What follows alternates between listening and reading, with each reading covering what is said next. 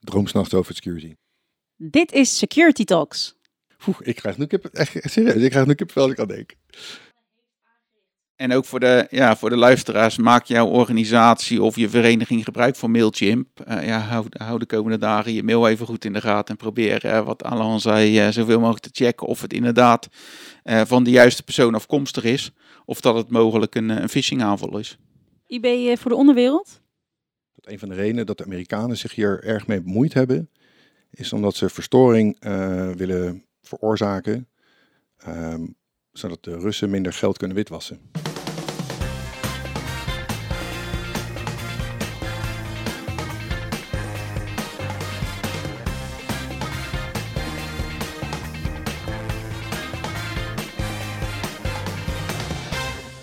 Leuk dat je weer luistert naar alweer de vijfde aflevering van de Security Talks podcast.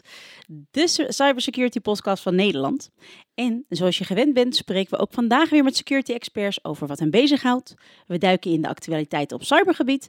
En omdat het natuurlijk ook gewoon leuk moet zijn, hebben we onze gasten gevraagd om een funtip mee te nemen. Ik ben Rasha Naoum, host van deze show. En in deze aflevering praat ik met Alan van Leeuwen, mijn vaste rots in de branding en vaste tafelgast hier. Uh, en naast Alan hebben wij dit keer een hele speciale gast bij ons, namelijk Mark Weber van Checkpoint. Welkom allebei. Dank je. Welkom Mark. Dank je. Mark, ik, uh, ik ga beginnen met jou dit keer. Zou jij jezelf willen introduceren aan onze luisteraars? Ja, mijn naam is eh, Mark Weber. Ik ben Channel Sales Engineer bij eh, Checkpoint in Nederland. En vanuit Checkpoint als pre-sales uh, eigenlijk de contactpersoon voor Motive. En werk dus veel samen met het sales en pre-sales team van Motive om hun klanten, de klanten van Motive, van de juiste security oplossingen te voorzien. Heel leuk om jou hier te hebben vandaag. Ja, dank voor de uitnodiging. Ik ben ook heel benieuwd welk onderwerp je mee hebt genomen. voor jou geldt natuurlijk hetzelfde, Alan. Voordat wij overgaan op de onderwerpen. Uh, een tweetal zaken waar we eerst bij stil gaan staan. Namelijk de poll die wij vorige week weer hadden. En deze poll betrof dit keer: moet je wel of niet laten weten of je gehackt bent? Nou ben ik even benieuwd of jullie al uh, een, een, een inschatting kunnen maken wat de uitkomst is geweest van die poll. Ik kan me slecht voorstellen dat er veel mensen hebben gezegd dat het geen goed idee is om dat te melden. Mark, wat denk jij? Ja, ik, ik, ik ben het helemaal met uh, Alan eens. Ja, nou, ik denk uh, de luisteraars ook. Want uh, alle luisteraars hebben eigenlijk aangegeven dat je altijd naar buiten moet op het moment dat er oh, het was unaniem? Het was unaniem. Ik weet niet hoeveel het exact er zijn geweest die dit keer hebben gestemd, maar het is inderdaad unaniem. Iedereen zegt ga naar buiten op het moment, of, of maak het publiekelijk op het moment dat je gehackt bent. En terecht denk ik, want dan kunnen we van elkaar leren en... Uh, en uh... Ja, het valt gewoon erg slecht in de smaak als je achteraf doorkrijgt dat er iets mis is gegaan en het is verzwegen. Ja, en doorgaans zie je het eigenlijk op de publieke media voorbij komen en hoef je het niet eens zelf te melden, maar wordt het wel voor je gemeld. Dus uh, le leuke poll. Dank jullie wel allemaal voor, voor het stemmen. Daarnaast het tweede onderwerp, vorige week ook al aangekondigd, maar op 21 april. Dan staat de Security Talks live talkshow gepland. Zowel bij ons uh, hier in IJsselstein in ons Grand Café, als ook online via een livestream. Uh, in samenwerking met Gov Magazine van Atos en hele speciale tafelgasten. Namelijk het Nationaal Cybersecurity Center en Digital Trust Center zijn hier aanwezig. En ook anderen. Dus heb je je nog niet aangemeld? Ga dan naar securitytalks.motive.nl. En uiteraard vind je deze link ook gewoon in onze show notes. Ik vind het wel heel cool dat we het NCC aan tafel krijgen. Nou hè, ik, uh, ik zag inderdaad ook de tafelgasten, dacht ik, wauw, dat is wel heel erg gaaf. En ja, ik ga me toch even ingooien. Er komt ook nog iemand hier vanuit het Rijk. Dus voor degenen die, uh, die uh, zich nog niet hebben aangemeld, ga echt eventjes naar de site, kijk wie er komen. Het is zeker interessant om dan wel fysiek of dan uh, via onze livestream deel te gaan nemen. En dan, dan zeg ik tijd, tijd voor onze onderwerpen. Ik ga dit keer niet met jou beginnen, Alan. Sorry. Oh. Ja, het wordt, uh, we gaan uh, gasten eerst. Mark, ik ben heel benieuwd wat voor onderwerp jij mee hebt genomen voor ons. Ja, het gaat over een hack op, op Mailchimp. Het was op 5 april in het nieuws, eigenlijk op nu.nl. Meest komen dat soort dingen op Tweakers of andere uh, tech-websites. Maar nu uh, prominent op uh, nu.nl. Wat eigenlijk de e-mail marketing service Mailchimp slachtoffer geworden is van, van hackers. En daarbij zijn uh, vele honderden e-mailadressen gestolen. En Mailchimp, uh, zoals ik al zei, is eigenlijk een, een bedrijf wat nieuwsbrieffunctionaliteit mogelijk maakt voor verenigingen, maar ook voor uh, kleine midden, midden- en kleinbedrijf. ook een aantal grotere bedrijven die maken daar gebruik van. En door de hack hebben ze eigenlijk toegang gekregen tot, tot e-mailadressen. En hebben ze uit naam van bedrijven ehm, ja, uitnodigingen gestuurd. Maar ook bijvoorbeeld een, een crypto ehm, bedrijf ehm, van Trezor, wat daar gebruik van maakt, van Mailchimp. Uh, die klanten zijn gemaild dat er iets aan de hand zou zijn met hun, uh, hun crypto wallet. Oh, wow. Uh, ja, en daar werd ze eigenlijk gevraagd of ze iets wilden gaan downloaden, waarmee eigenlijk die hackers toegang kregen tot hun, tot hun wallet. ja, en uiteindelijk is nog niet publiekelijk, het is ja, ook maar kort geleden dat het gemeld is, nog niet duidelijk of er daadwerkelijk ook cryptovaluta gestolen zijn. Maar je ziet wel dat uh, ja, door in te breken bij zo'n partij waar gewoon heel veel organisaties gebruik van maken, dat je toegang krijgt tot, uh, tot heel veel informatie. En op die manier dus heel veel misbruik kan maken van uh, ja, mensen die daar toch heel snel doorheen klikken. Heel interessant. Weten we wie hierachter zit? Um, hierachter zit? Ja, dus, er wordt wel wat uh, gezegd over uh, waar, waar, ze vandaan komen, maar niet exact een, een, naam van een hackgroep of iets. Alleen wel dat ze het specifiek gemunt hadden op Trezor, de, de crypto wallet. Oké, okay, dat... Volgens mij, als ik me niet vergis, is het zo dat als je gebruik maakt van Mailchimp, dat je de mailservers van Mailchimp toestemming moet geven om namens jouw domein te kunnen mailen. Ja. Dus dan, dan kun je het net doen alsof uh, de mail echt van dat bedrijf afkomt, dus van bijvoorbeeld Trezor. Uh. Ja, je logt eigenlijk in gewoon op, op een web frontend en daar log je in met gegevens en dan wordt er inderdaad uit naam van jouw domeinnaam of vanuit jouw uh, e-mailadres wordt de mail gestuurd naar jouw klanten. ja, en het is allemaal een SaaS-dienst. En wat je eigenlijk zag vroeger, toen heel veel bedrijven gewoon nog hun mailomgeving on-premise hadden staan, dus gewoon in het datacenter of hun eigen netwerk, dat er een hele wasstraat van functionaliteiten voorgeplaatst werd om een stukje virusscanning te doen, een stukje um, spam-scanning. Uh, en nu zijn heel veel bedrijven die zien, ja, we nemen het as een service af en gaan er eigenlijk maar vanuit dat het wel goed geregeld zal zijn met security.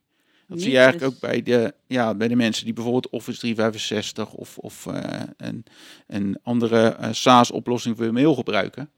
Ja, die roepen heel snel van ja, mijn mailleverancier uh, levert die functionaliteit wel. En is veilig. Ja, en is veilig. Maar ja, goed, voorheen hadden ze een mailserver op locatie en vertrouwden ze eigenlijk ook niet dat dat veilig was. Want de bouwden ze een hele wasstraat voor. Ja, nu, dus daar is wel een punt van aandacht. Heel interessant. Is, is dit trouwens een uh, type hack wat we al eerder hebben gezien? Of is dit uh, een van de eerste die we nu zo zien waarbij... Uh, een soort van een vorm van supply chain attack eigenlijk, hè? Ja. ja. Gewoon eigenlijk, ja, inderdaad de keten aanvallen. En, ja, een ander bedrijf gebruiken om bij een target binnen te komen. Ja. In dit geval was het target duidelijk Trezor, overigens. Ja. Het was echt bedoeld om die crypto te pakken te krijgen. Ja. Maar um, nou goed, je, je, gaf net al als voorbeeld, hè, voorheen uh, nou ja, als, als, als mailservice en dergelijke gewoon in een datacenter zaten. Je zorgde zelf als bedrijf of als organisatie voor een goede beveiliging. Nou, iedereen of, of iedereen, je ziet een enorme trend waarbij organisaties steeds meer SaaS-oplossingen afnemen.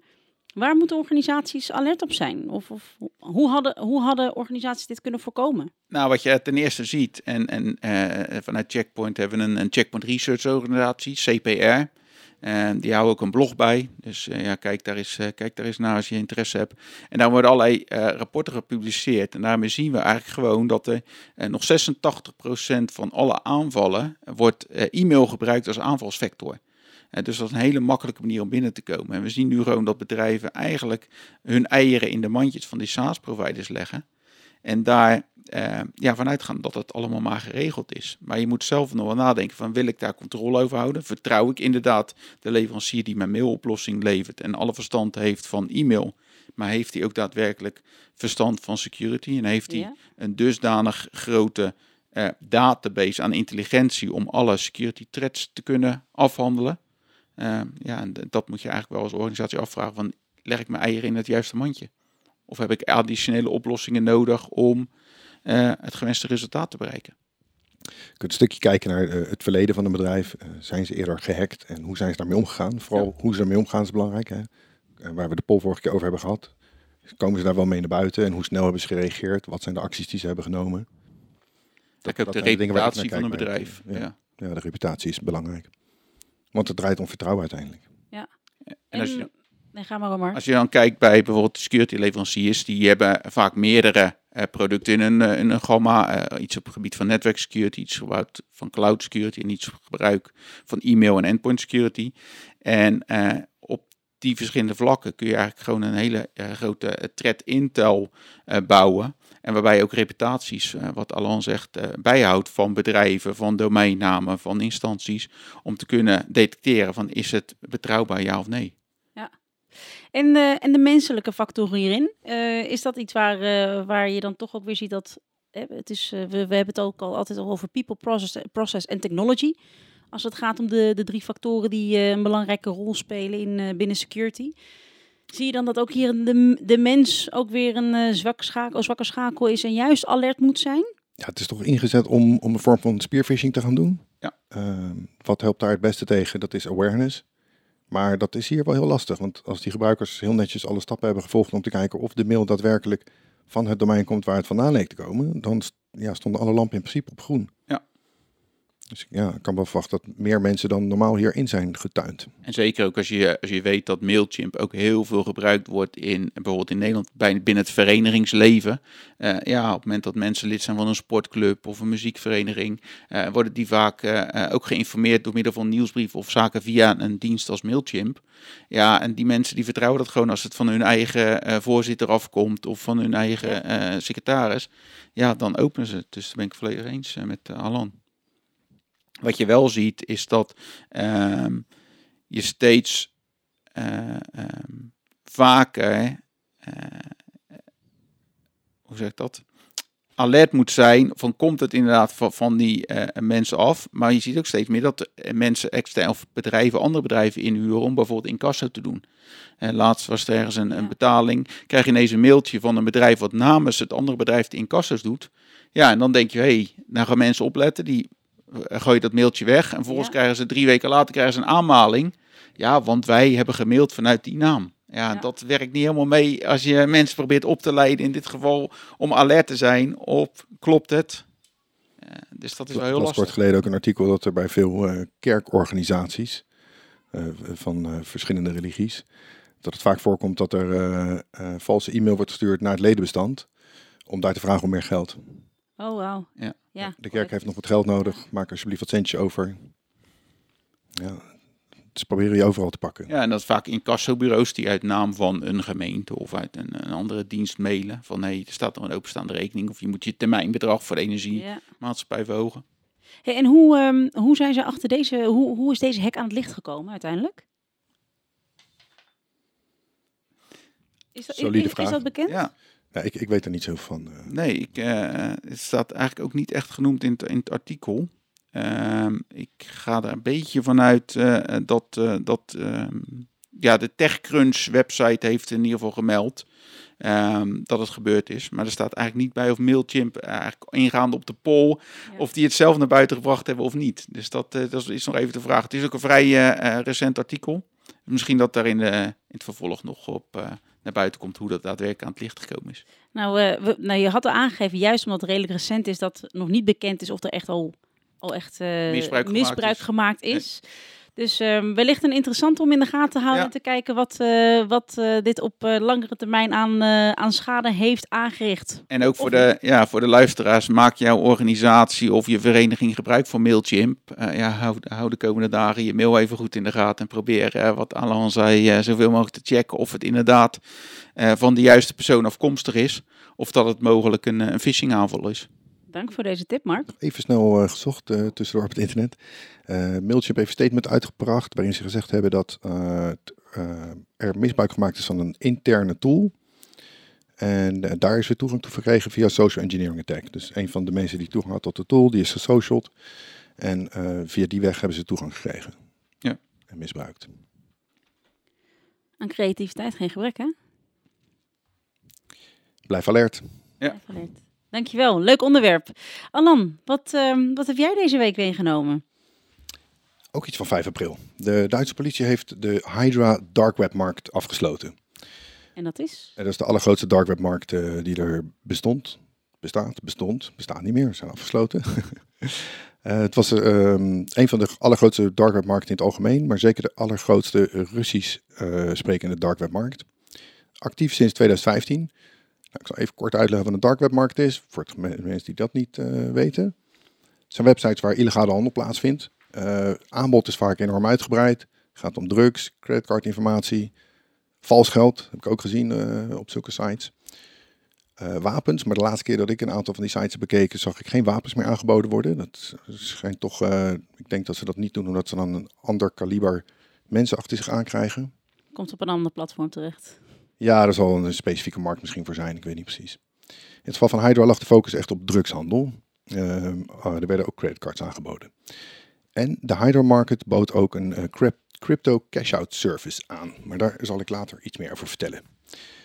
Op zo'n marketplace vindt de betaling plaats eh, door middel van cryptovaluta. De mensen graag anoniem willen kunnen betalen. Eh, over het algemeen is dat Bitcoin of Monero, waarbij Monero nog iets meer anonimiteit voorziet. Ja, zo'n markt lijkt eigenlijk heel erg op een soort eBay, als je daarop kijkt. Ehm, zo- zoals het er grafisch uitziet, zoals het gepresenteerd wordt, maar ook het feit dat je eh, seller en buyer ratings hebt. Dus je moet zien hoe betrouwbaar een aanbieder is. En ook mensen die kopen worden gerate of ze netjes betaald hebben en eh, betrouwbaar zijn. Dus eBay eh, voor de onderwereld? ja, daar komt het in feite wel op neer. Ja. Ehm, nou, hoe blijft zo'n dark web website anoniem? Dat wordt gedaan door middel van een zogenaamde Tor Hidden Service. Eh, Tor is eh, the Onion Router. Ik kan onmogelijk heel de werking van Tor gaan uitleggen. Ik heb wel proberen in het kort op te schrijven hoe een Tor Hidden Service ongeveer werkt. Dan gaan we een klein stukje de techniek in. Ja. Ik heb het verhaal drie keer opnieuw geschreven, iedere keer nog korter proberen te maken, maar minder dan deze zes punten kwam ik niet eh, aan toe. Dus eh, Krabbels. Ja, het is lastig uit te leggen. let goed op. Zoals vaker in, in, in crypto gebruiken we Bob en Alice als voorbeeld die met elkaar willen communiceren. Eh, Bob begint aan zijn kant met het opzetten van een webserver. Die zet eh, Tor daarop en die definieert een zogenaamde hidden service. Bob maakt dan een public en een private key combinatie aan. De Tor software die genereert een 16 karakter lange identifier. Dat is gebaseerd op de public key van die hidden service. Bob maakt een Tor circuit aan met een zogenaamd introduction point. Die kiest hij zelf aan zijn kant. Stuurt hij zijn public key heen. En let op, dus niet zijn IP. Stuurt alleen zijn public key. De hidden service van Bob maakt een hidden service descriptor aan. Daar zit die public key in. Alice op haar beurt maakt verbinding door de service identifier, die van 16 karakters van daarnet, te gebruiken. En ze weet dus niet het IP-adres van de server. Ze gebruikt alleen die 16 karakters in een soort van URL. Dan wordt er een Tor-circuit opgesteld. In totaal zes nodes. Drie daarvan worden gekozen door Alice en drie door Bob. Nou, dat is de meest eenvoudige versie die ik heb kunnen maken hiervan. Er zit nog veel meer complexiteit achter hoe dit echt werkt en hoe dat allemaal de anonimiteit geborgd is. Maar Ja, je Nou, moet dat om dit voldoende over te je vinden. een beetje kennis hebben van de public en private key eh, exchange. Eh, het is, zonder dat ik er tekeningen bij kan laten zien, is het eigenlijk onmogelijk om er echt dieper op in te gaan. Ja. Dus eh, zoek het zelf op op internet als je daar meer over wilt weten. Dat ga ik doen. Ik heb visuals nodig. Maar maakt niet uit. Ga verder, eh, Alan. Ga ervan uit, de keten waarborgt de anonimiteit van zowel Bob als Alice. De Hydra Market eh, leefde achter zo'n hidden service. Eh, hoe groot was het eh, geheel? Wat ging er voor geld in om? Nou, in 2020 is er voor tenminste 1,2 miljard euro verhandeld op het platform. 1,2 miljard? Miljard, ja. In totaal sinds 2015 gaat het om 5 miljard aan bitcoin-transacties. 5 miljard. Maar heel even terug, want jij, jij noemde het net eventjes heel snel, maar je gaf aan dat het voornamelijk wordt gebruikt voor, voor drugs in de, in de drugswereld, toch? En ze hadden een witwasservice. Ook nog. Ja, die, die crypto cash-out service werd gebruikt om, eh, om eh, geld te witwassen. Eh, daar kom ik zo eventjes nog op terug. De Duitse politie heeft eh, 543 bitcoins in beslag genomen. Dat soort huidige waarde is ongeveer 23 miljoen euro. dat is de zijn dus moeite. van de, van de kopers en verkopers die het op dat platform hebben opgeslagen. Er waren 17 miljoen klanten geregistreerd en 19.000 verkopers. Ik heb, neem ook wel eens een kijkje op zo'n dark web markt om, om te kijken hoe dat eruit ziet en wat er nou helemaal wordt aangeboden. Een stukje awareness van mijn kant. Ehm, dan merk je, als je een account registreert, kun je daar geen e-mailadres bij opgeven om een paswoord reset op te vragen. Dus ik kan me voorstellen dat van die, van die 17 miljoen klanten er heel veel mensen zijn die gewoon elke keer dat ze een kijkje willen nemen een nieuw account te maken. Dus Maar hoe blijven ze anoniem dan? Hoe, blijft de website anoniem of de Nee, gebruikers ja, die erop... beide eigenlijk, want ze hebben op een of andere manier hebben ze het plat kunnen of, of dit, dit bestaat niet meer. Dus Ja, ik ben dus, wel heel ehm, nieuwsgierig hoe, hoe dat kan. Bob blijft anoniem doordat hij eh, de Tor webbrowser gebruikt en via het Tor-netwerk verbinding maakt. En hij geeft dus geen e-mailadres op om bij te registreren. Eh, als hij slim is, gebruikt hij een unieke handle die hij niet ergens anders gebruikt, zodat dat ook niet te linken is. Hij moet een stukje aan operational security doen om te zorgen dat, hij, eh, dat er niks aan te linken is. Ja, maar uiteindelijk als hij zijn drugs koopt op zijn eh, dark web, wil hij dat ook wel een keer fysiek in handen hebben. Dus hij zal ergens, zal er een keer een moment zijn dat hij zichzelf, eh, eh, ja. Ja, ik las dat eh, wat hier veel gedaan werd, waren eh, volgens mij dat een dead drop of zo. Daar heb ik geen notities over gemaakt. Maar er wordt dus een plek afgesproken waar de drugs wordt achtergelaten. Een- Gewoon een plek buiten op straat. Er wordt ergens weggestopt onder een steen. En er wordt gelegd, er wordt een foto gemaakt en geplaatst, eh, gestuurd in een private message naar de gebruiker. Ik heb onder deze steen eh, een kilo kook neergelegd. Weet je wat je eh, nu kan doen met, met de, de afleveren van postpakketjes op het station? Dat je eigenlijk gewoon een lokken krijgt. Je krijgt een pincode in je, in je telefoon van hey, je open die lokken met die pincode en je pakketje ligt daar. Zal best ook voor dit soort toepassingen worden gebruikt. Smart logo voor de onderwereld. Hm. Goed, eh, afgelopen 5 april is eh, de boel opgerold. Dus een samenwerking van de Central Office for Combating Cybercrime. Een organisatie in Duitsland. Die hebben samen met eh, US Law Enforcement eh, al sinds augustus 2021 hier aan gewerkt om eh, de infrastructuur te achterhalen. Die infrastructuur is inmiddels in beslag genomen. De bitcoins zijn in beslag genomen. Er zijn nog geen mensen gearresteerd. Dus het is wel gelukt om de servers te achterhalen. Die bleken in Duitsland gehost. Het hele verhaal is van start gegaan, vertelde meneer Sebastian Zwiebel. Dat is de persvoorlichter van de Duitse Staten-Generaal. Ehm, die heeft gezegd dat de operatie om de markt af te sluiten begonnen is met een tip van Amerikaanse functionarissen. Die hadden een tijd wat tracing gedaan over het dark web en die zijn met de eerste tip gekomen. Het lijkt erop dat de hosting plaatsvindt in Duitsland, dus die hebben Duitsers ingeschakeld. Nou, en eh, wat ik leuk vond, eh, een leuke quote van meneer Sebastian Zwiebel. Op het moment dat zij eh, op het punt stonden om de boel af te sluiten, kregen hij en zijn team die kregen allemaal kippenvel. En ik kan me dat echt voorstellen, dat je gewoon de grootste dark web market aan Ja. het afsluiten bent. Jongens, nu drukken we op de knop, de stekker gaat eruit. Oeh, ik krijg nu kip, echt serieus, ik krijg nu kippenvel als ik aan denk. Ik, eh, weet je waar ik benieuwd naar ben? Me- de- want dit is ook van, eh, van 5 april, zei je? Ja. Ik ben dus heel benieuwd. Nou, na een tijd zal het leren. hè. Er zal er vanzelf wel denk ik wel wat meer informatie gaan vrijkomen. Ook eh, vast en zeker dat er veel meer onderzoek gedaan gaat worden om te kijken wie er dan ook allemaal actief waren hier op deze omgeving om, eh, eh, om eh, drugs te verhandelen. Of daar, eh, of daar ook nog ergens een link gelegd gaat worden met, eh, met de Nederlandse onderwereld. Of, of die daar eh, gevonden gaat worden, ja of nee. Ik denk deze darknet market was heel erg op de Russische markt gefocust. Dat is ook een beetje, eh, denk ik, is een beetje een stuk speculatie moet ik erbij zeggen. Ik denk dat een van de redenen dat de Amerikanen zich hier erg mee bemoeid hebben, is omdat ze verstoring eh, willen veroorzaken, ehm, zodat de Russen minder geld kunnen witwassen. Er zijn een aantal Russische ransomware groepen. Mhm. Nou, daar zijn ook links van bekend. Die hebben die, die witwasdienst van deze website gebruikt. En, en dat gaat dan iedere keer echt om miljoenen. Er is een link gelegd met eh, de Bitfinex hack uit 2016. Daar is 3,6 miljard gestolen. Dat waren toen 119.754 bitcoins. Wauw. Ja, stond, eh, stond hij nog iets lager. Ja, de, de bitcoin stond toen niet lager inderdaad. Nou, maar goed, hon- 100.000 bitcoins. Poeh. Ja. Ja, ik denk dat eh, dit de reden is dat de Amerikanen zich hiermee bemoeid. Het uh, disrupten van diensten rondom ransomware en vooral het witwassen van de Russische fondsen. Leuk. Er zijn de afgelopen periode heel veel eh, sites afgesloten trouwens op het dark web. Uh, UniCC, dat was eentje met de focus op creditcards. Daar hebben de administrators gezegd dat ze niet meer zo jong waren en in verband met gezondheid niet verder konden. Oh. Eh, eh, we hebben in 2021 gezien de White House, de White House Market, die is in oktober afgesloten. Kenneson in november. Torres in december. En de BBC heeft laatst een artikel gepubliceerd, of een onderzoek eigenlijk gepubliceerd. En daarin werd eigenlijk onthuld dat de meest voorkomende manier van het sluiten van dark web markets zogenaamde exit scams zijn.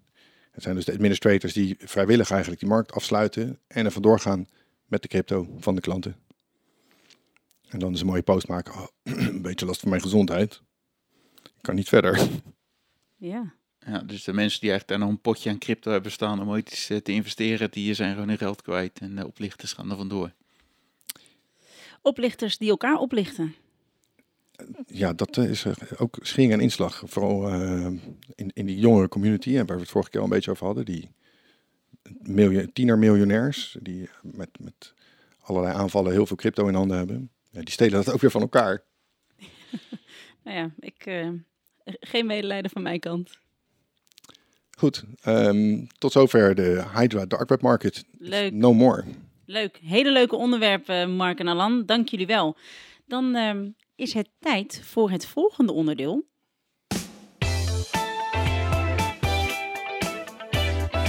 Good vibes.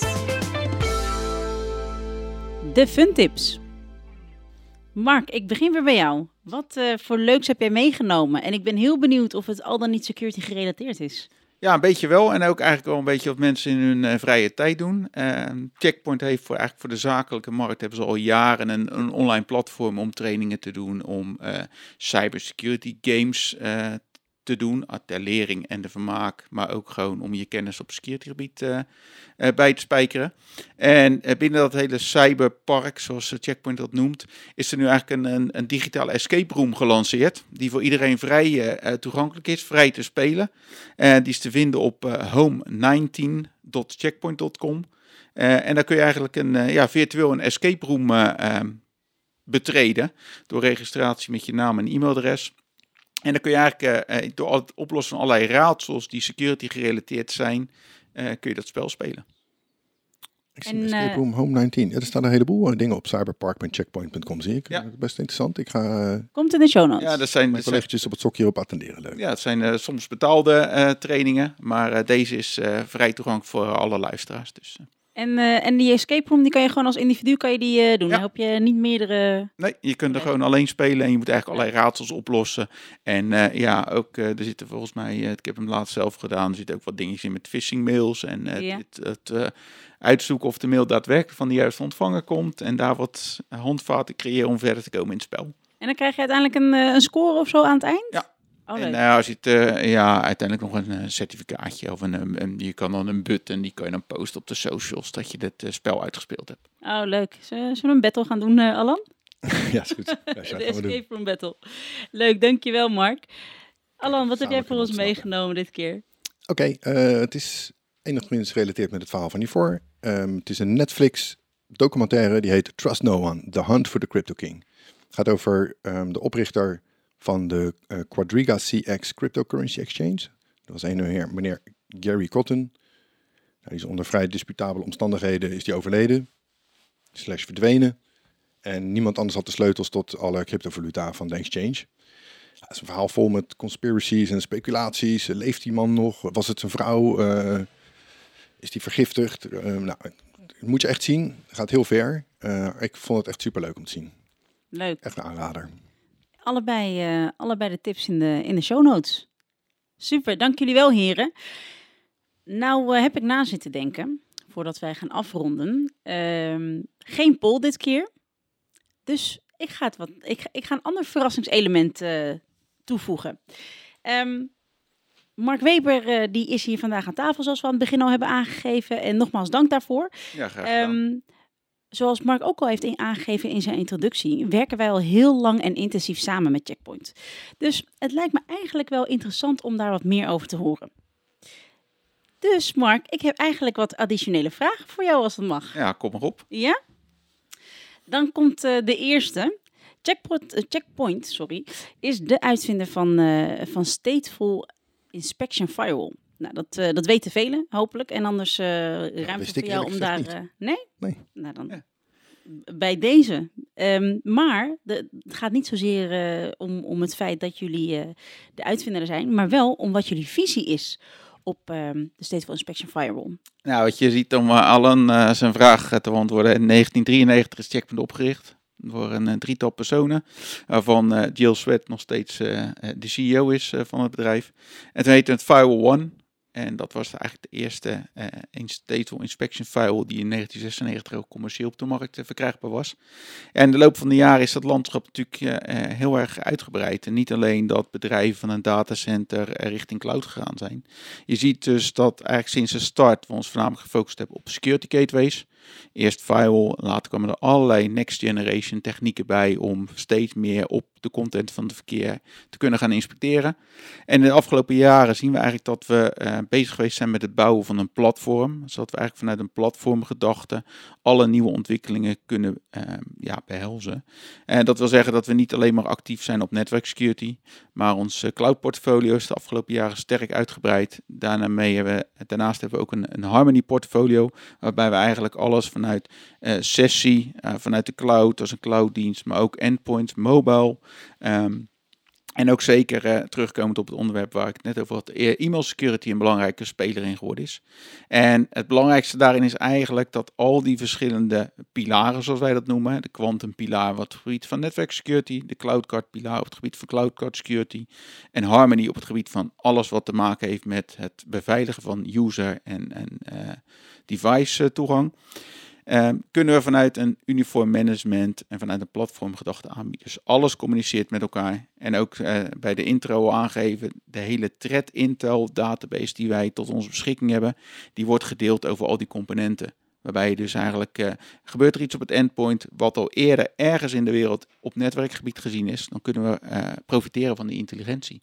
En dat is eigenlijk eh, de hele infinity architectuur gedachte, dat alles met elkaar communiceert en gewoon heel belangrijk dat alles vanuit één single pane of glass, één management beheerd, gerapporteerd en gemonitord kan worden. En één, één threat intelligence layer die alle, Ja. alle onderdelen Ja, gebruikt. dus eigenlijk onze threat cloud, dat is waar alle diensten gebruik van maken. Eh, niet alleen onze security gateways, die deden dat al eh, nou ja, sinds eh, begin jaren 2000. Maar nu zie je dat alle andere toepassingen van die ene threat eh, database gebruik maakt. Heel cool. Interessant. Ja, die kunnen we daarnaast met API's koppelen aan allerlei andere. eh, misschien voor Alan interessant om aan SOC eh, eh, te koppelen. Om daar eh, door middel van API's extra intelligentie in je SOC te krijgen om eh, checks te kunnen uitvoeren. Ja, Weet je toevallig of ik daar met het Stix-protocol tegenaan kan babbelen? Ja, ja, dat kan. Sorry, het taxiprotocol Ja, om er tegenaan te babbelen en het in, Stix-formaat te ontvangen. Ja, Ja. Tix Ja, en dan kunnen we dat in MISP integreren. ja. Oh, super gaaf. Gaan we, gaan we zeker doen. Ik ga je dadelijk even meer over vragen. Ja. Dat is goed. Doen we offline. Dankjewel, interessant. Je, je, je noemde zelf net al de e-mailbeveiliging. Ehm, maar wat doet Checkpoint, Checkpoint hier eigenlijk in? Ja, eh, eh, dat is eigenlijk een beetje een, een voor Checkpoint een, eh, een, een, een nieuwe markt. We doen uiteraard al sinds jaar en dag e-mail security op onze gateways. eh, door middel van een stukje mail transfer agent functionaliteit op de gateways. Dat we echt het mailverkeer onderscheppen op het moment dat het je datacenter inkomt. Maar dan komen we eigenlijk weer terug op de discussie dat steeds meer bedrijven richting de publieke cloud gaan, richting SaaS-diensten. Ehm, en daarvoor hebben wij eind eh, vorig jaar ehm, een van de snelst groeiende eh, e-mail security providers, Avanan, overgenomen. Was voor mij destijds een, een redelijk onbekende naam. Eh, maar nu ste- steeds verder in het proces zijn, komt eigenlijk wel naar boven dat heel veel security leveranciers eh Avanan functionaliteit als een OEM gebruikten. Ehm, en dat komt eigenlijk doordat ehm Avanan een patented technology heeft om ehm inline preventie te kunnen doen op eh, SaaS-applicaties en op e-mail-applicaties. Dus ze plaatsen door middel van een API-koppeling kunnen ze inline het verkeer beschermen. Dus op het moment dat je een Office 365 omgeving hebt, komt het verkeer normaal gesproken eerst in je, in je Microsoft inbox terecht. Dan gaat een API zich daar tegenaan bemoeien en haalt eventueel geïnfecteerde mail eruit.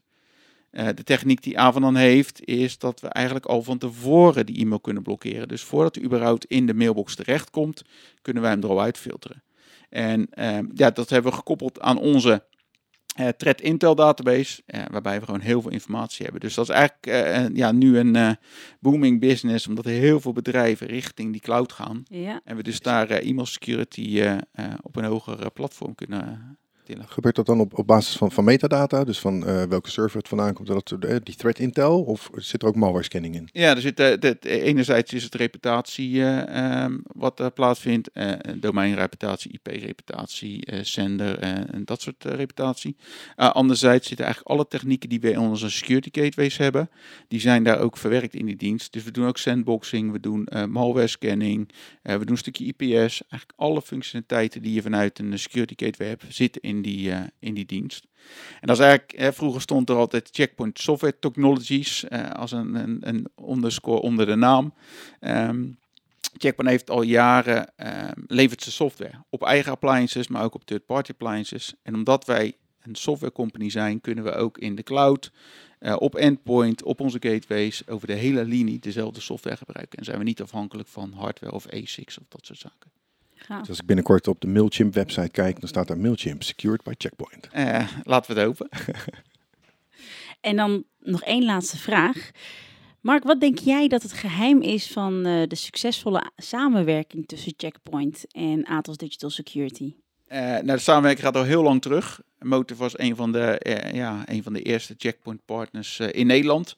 En op dit moment eh, eigenlijk de enige hoogst gecertificeerde checkpoint partner. Motive heeft als enige in Nederland de elite checkpoint partner status. Ehm, en ik denk dat het, het, het geheim van de samenwerking is dat beide bedrijven zich volledig focussen op security. Als we kijken naar andere partners, die hebben altijd een onderdeel uh, datacenterinrichting met een stukje storage, met een stukje VMware, hebben een networking tak. En eh, wat ik niet zo heel veel zie, en, en bij Motive wel, is dat die zich volledig focussen op security. En dus heel veel mensen in dienst hebben die alleen maar security eh, denken en doen. En dat is eigenlijk bij Checkpoint precies hetzelfde. Wij leveren alleen maar security oplossingen. Dus het schoenmaken blijft bij je leest eh, principe. Droomsnacht over security. Ja.